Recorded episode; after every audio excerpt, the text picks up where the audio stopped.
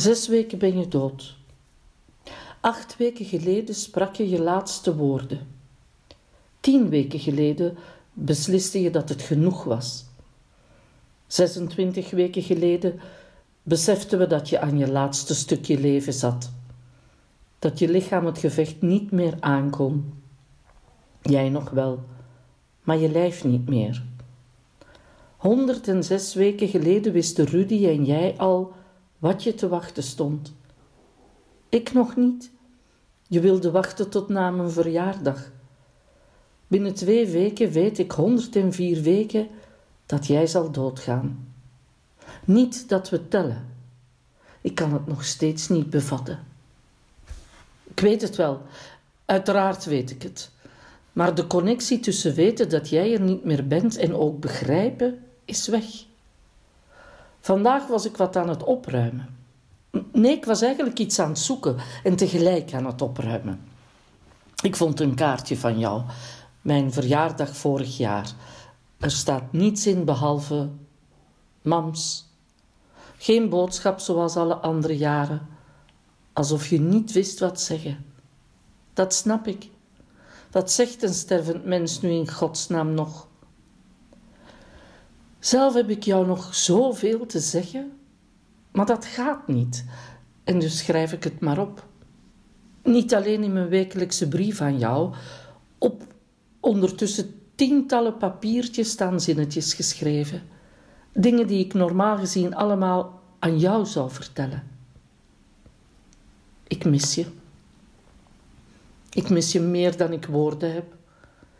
Hoe meer ik besef hoe hard ik je mis, hoe meer ik weet dat wij nog niet uitgepraat waren.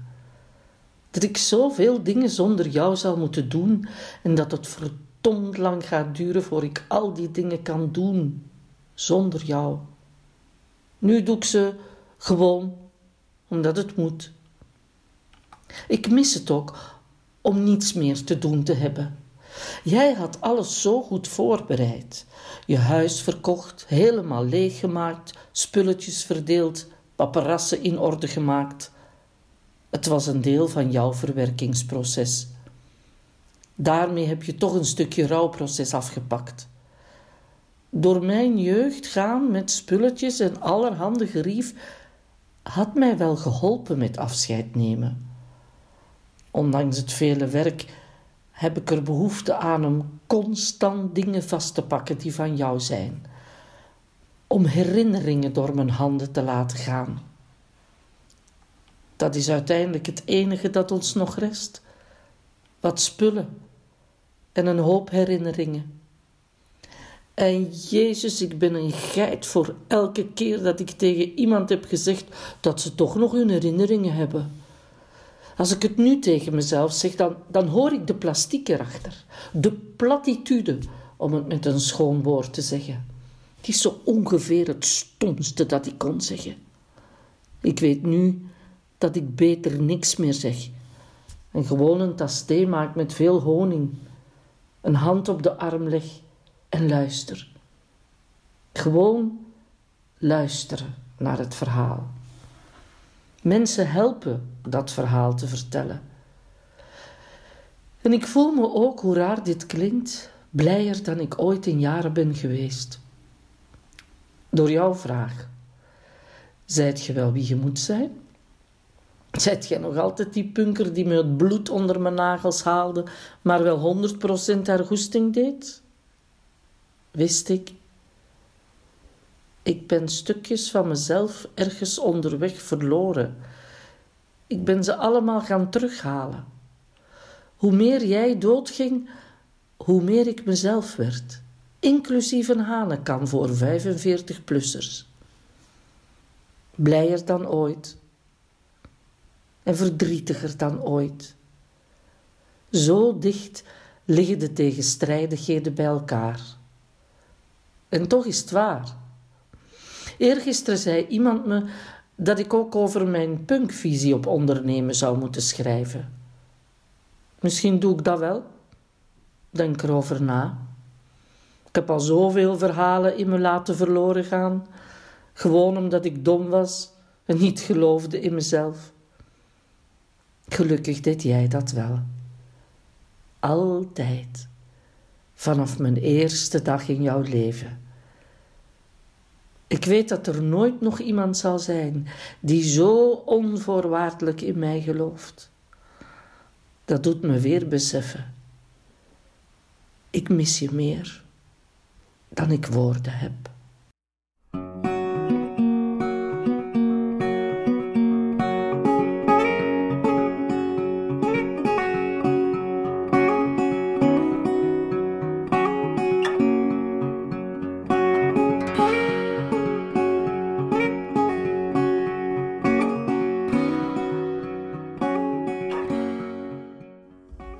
Drie jaren en één maand en een aantal dagen.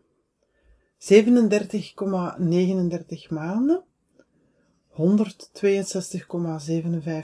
weken, 1138 dagen, 27.312 uren, 1.638.720 minuten. En 98 miljoen 323.200 seconden. Zo lang is mijn mama al dood, maar niet dat we tellen, niet waar? Dag iedereen, welkom in Brieven aan mijn mama. Het is week 6, als ik mij niet vergis. En dat wil dus zeggen dat drie jaar geleden mijn mama zes weken dood was. En dat ik, ja, gewoon verder ploeterde in heel mijn rouwproces. Um, en dat ik mezelf echt wel verschillende keren ben tegengekomen. Ik uh, herinner me dat eigenlijk nog heel erg goed. En ik uh, lees het ook als ik in mijn dagboek kijk naar wat ik die dagen heb opgeschreven dat ik mij, dat ik haar miste, uiteraard, dat, dat, is, dat is heel normaal, maar dat ik het ook heel erg uh, miste om niks te doen te hebben. En ik heb dat ook in mijn brief geschreven. Mijn mama was supergoed voorbereid op haar sterven. Uh, zij wilde ons absoluut niet belasten met het leegmaken van een huis, de verkoop van een huis. Het is zo dat ze al een aantal jaren bij Rudy woonde, maar dat ze haar oude huis om een of andere reden nog wel had gehouden. Um, ze wisten eigenlijk niet goed wat ze daarmee ging doen. Ze was sowieso van plan om dat te verkopen en ik denk dat het laatste idee dat ze had was um, om dan iets in de Ardennen te kopen. Een weekendhuisje. Waar zij, maar ook wij, Sarah en ik, dan uh, met onze gezinnen gebruik van konden maken om naartoe te gaan. Maar ja, het ziek worden heeft uh, al haar plannen een beetje ingehaald. Waardoor dat ze de behoefte had om heel veel dingen al in orde te hebben. Waaronder het verkopen van dat huis. Nu, we hebben dat huis samen leeggemaakt. En we hebben natuurlijk wel een aantal dingen van haar toen op dat moment al gekregen. Maar dat leegmaken op dat moment, dat voelde veel meer aan als een verhuis. En veel minder als heel bewust nadenken over wat we wel of niet gaan bijhouden. Dat stukje van dat proces, dat heeft ons moeder eigenlijk helemaal alleen gedaan. Zij heeft zelf beslist wat er weg mocht.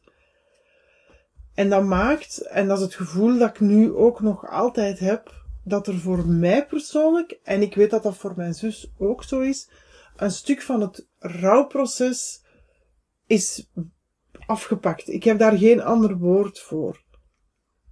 Wij hadden alle twee heel erg de behoefte om door al die spullen te gaan en al die dingen te bekijken en bewust te kiezen welke symbolen of welke herinneringen, welke materialen die een herinnering zijn, houden we bij en wat doen we weg. Want, um, ik moet daar heel eerlijk in zijn, de herinneringen is op dit moment het enige dat Sarah en ik nog hebben.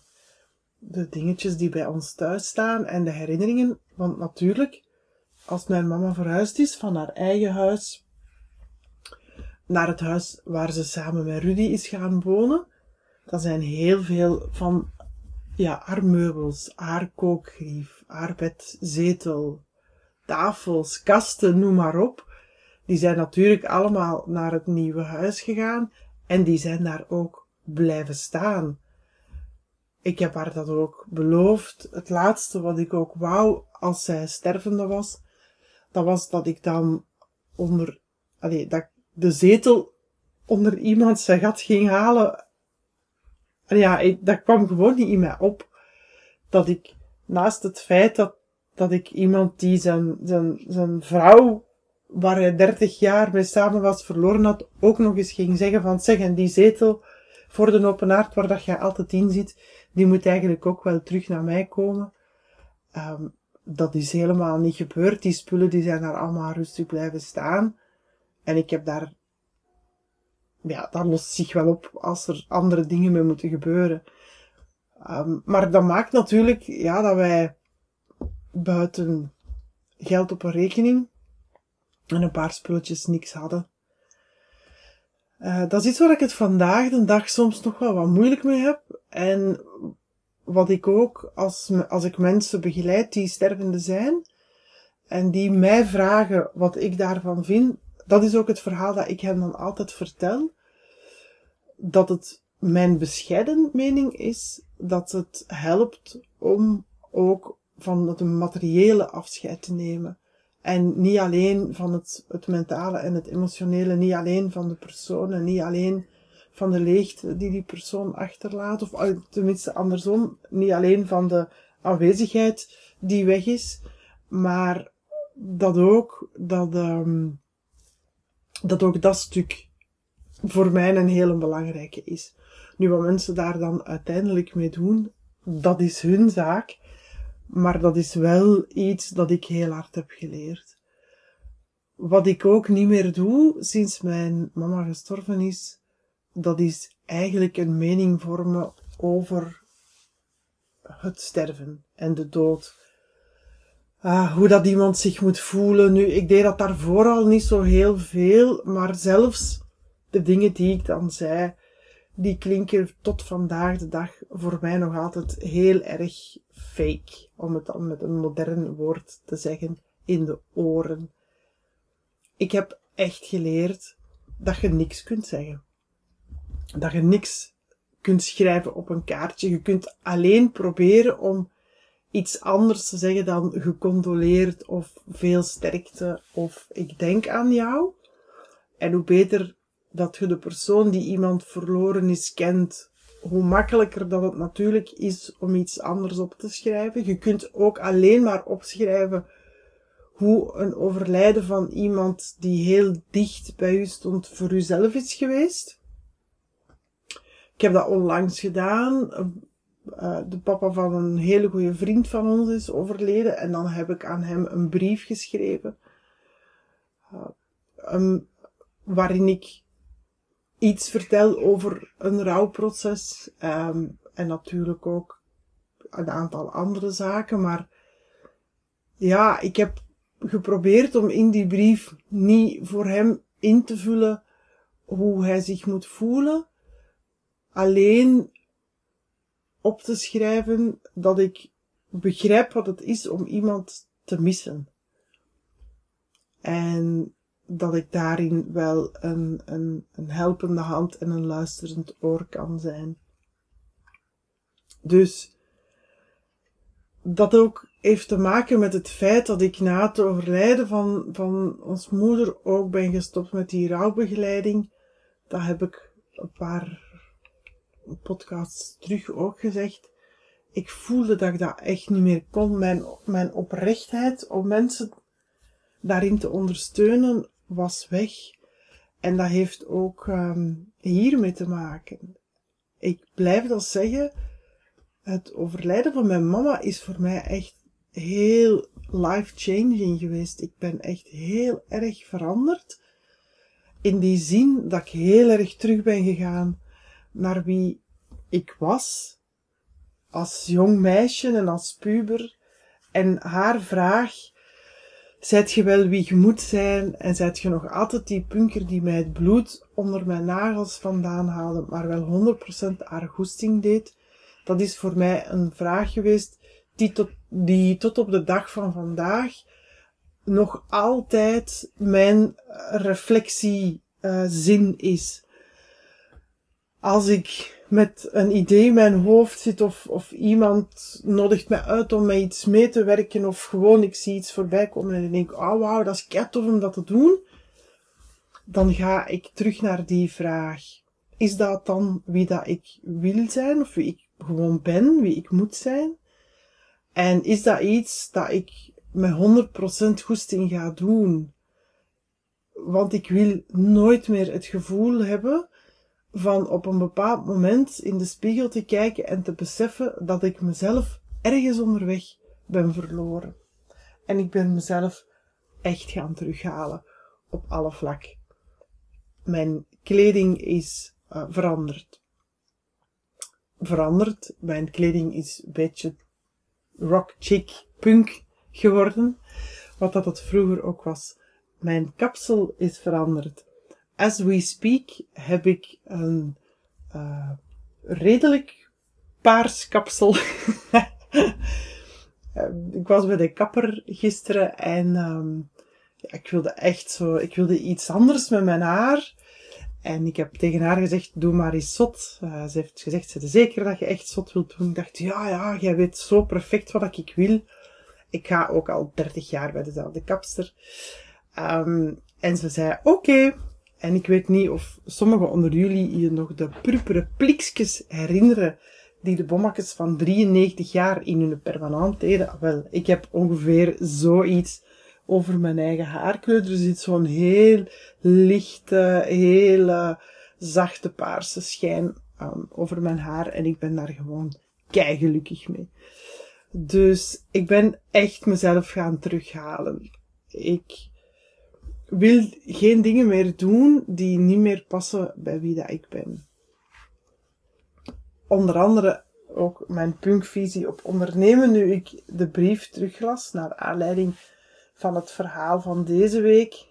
Um, er, ja, weet ik dan nog dat niet, niet één iemand, maar door de jaren heen een aantal mensen mij hebben gevraagd van, van ja, schrijf daar eens over, over hoe dat jij onderneemt en ik denk dat ik op dat moment dat wel echt heel graag wilde doen. Maar eigenlijk is corona daartussen gekomen. Covid. En dan nu de crisis. En het, het heeft mijn, dat, ook dat heeft mijn visie op ondernemen wel wat veranderd. In die zin dat ik nog meer ben gaan fine-tunen en nadenken over wat ik echt wil. En een aantal dingen heb gedaan om daar ook naartoe te werken. Zo ben ik onder andere gestopt met op social media uh, mijn collega's te volgen. Ik volg nog wel de studenten en ik volg natuurlijk nog de mensen met wie ik samenwerk. Maar vroeger had ik zo mijn Instagram. Ik volgde iedereen die ook ceremoniespreker en storyteller en zo was. En ik, ik ben daar gewoon mee gestopt. Omdat ik heb gemerkt dat dat de dingen die ik in de wereld wil zeggen, toch wel een beetje beïnvloed. Omdat ik um, van mezelf moet ontdekken dat ik op dat moment toch wel wat last heb van fear of missing out. En um, ik ga eigenlijk voor de andere kant van FOMO en dat is de fun of missing out. Want als ik er bewust voor kies om plezier te hebben in het niet weten van dingen en het gewoon niet volgen van trends en hypes en wat dat allemaal op dat moment moet, dan doe ik echt 100% mijn goesting. En dan ben ik wie ik ben. Wat ik nog altijd doe, vandaag de dag, um, is op, niet meer op tientallen papiertjes, maar wel opschrijven wat ik aan mijn mama zou vertellen en ik doe dat in de vorm van iets wat ik al meer dan 30 jaar doe. Dat zijn de morning pages. Um, voor mensen die dat dan niet kennen, dan moet je maar eens het boek lezen. The Artist Way van Julia Cameron. Raad ik ten zeerste aan voor iedereen die denkt dat ze niet uh, creatief is. Die denkt dat hij of zij tenminste niet creatief is, maar het wel wil zijn. En een van haar ja, vaste opdrachten in dat boek zijn morning pages. En dat wil zeggen dat je s'morgens achter een blad papier gaat zitten en gewoon echt met de hand opschrijft wat dat er in u opkomt. En ik merk als ik daardoor blader dat ik heel veel het woord richt aan mijn mama. Alsof ik ja, dan naar haar stuur, zoals ik ook met de brieven heb gedaan. En dat is ook zoiets dat ik ook heb geleerd. Toen mijn mama stierf, heb ik haar bewust gevraagd of ze wilde komen spoken als er iets was na de dood. nu ik dat zeg, klinkt dat misschien wel heel stom. Maar ik ben zo heel erg van mening dat we het nog altijd niet weten. Ondanks alle, alle wetenschap en alle onderzoeken weten we eigenlijk nog altijd niet echt wat er gebeurt na de dood. Er zijn wel verhalen en getuigenissen van mensen die, die het wel weten, maar ik kies er ook hier weer voor om dat open te laten. En het leuke daarvan vind ik dat ik dan zelf kan invullen wat het is. En in mijn fantasie, in mijn invulling, is de dood zoiets als de film um, Coco. Dus als je die gezien hebt, hè, dan die is heel erg um, geïnspireerd op de Mexicaanse manier van dodenverering. En in Coco gaat het erom dat er een jongetje reist naar de dodenwereld en dat de doden daar eigenlijk gewoon hun ding verder doen. En dat ze pas echt verdwijnen als ze helemaal vergeten zijn. Als er niemand is die zich hen nog herinnert of aan hen, aan hen denkt. En ik vind dat voor mezelf een hele mooie visie. Dat je pas echt dood bent als je echt vergeten bent. Um, ja. Ik weet eigenlijk niet hoe dat ik hier opgekomen ben om dat te vertellen, maar dat doet er ook niet echt toe, denk ik. Um, ik merk wel dat als ik dat aan mensen vertel, hoe ik daar naar kijk, dat dat voor heel veel mensen wel een soort van troost brengt. Dus ik heb zoiets van, ja, zo onnozel zal het dan wel niet zijn om er zo naar te kijken. Um, voor mij maakt dat het gemis draaglijk. In het begin zeker en uh, nu nog altijd, want ik heb nog altijd geen woorden om te beschrijven hoe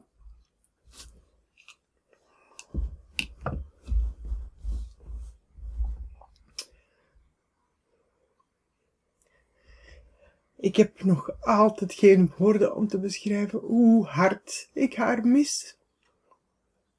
En in hoeveel kleine dingetjes dat dat is. En dat ik nog altijd elke dag de dagen en de uren tel dat zij er niet meer is. En ik ben eigenlijk voor mezelf ook wel heel erg benieuwd naar uh, het moment ja, waarop dat gemis echt minder is. Of minder gaat zijn. Uh, misschien ben ik wel iemand die dat daar veel te veel bij stilstaat of, of veel te veel bewust mee bezig is, maar ook daar kent je ondertussen mijn mening over dat um, iemand die rouwende is, dat, dat, dat rouw, als dat uw dagdagelijks leven beperkt, dat het dan misschien wel tijd is om daar eens met iemand over te babbelen. Maar bij mij beperkt dat natuurlijk mijn dagdagelijks leven niet. Um, het is gewoon een leegte die er is, um, die niet opgevuld wordt en die zeker, denk ik, ook nooit zal opgevuld geraken. En dat is iets waar ik mij bij moet neerleggen. En dat gaat niet altijd even goed. Dat is van dag tot dag. En op momenten zoals nu, als ik dan bezig ben met deze podcast en ik die brief lees en alles terugkomt, want ik, ik lees bewust de brief niet totdat ik aan de podcast begin, omdat ik, ik wil echt dat ik spontaan aan, aan jou vertel hoe ik mij voel op dit moment. En dat zijn natuurlijk momentopnames, maar ik zou ook de brieven kunnen lezen in het begin van de week en dan beginnen nadenken over, ja, wat ga ik vertellen? Maar dat is niet de idee van die podcast.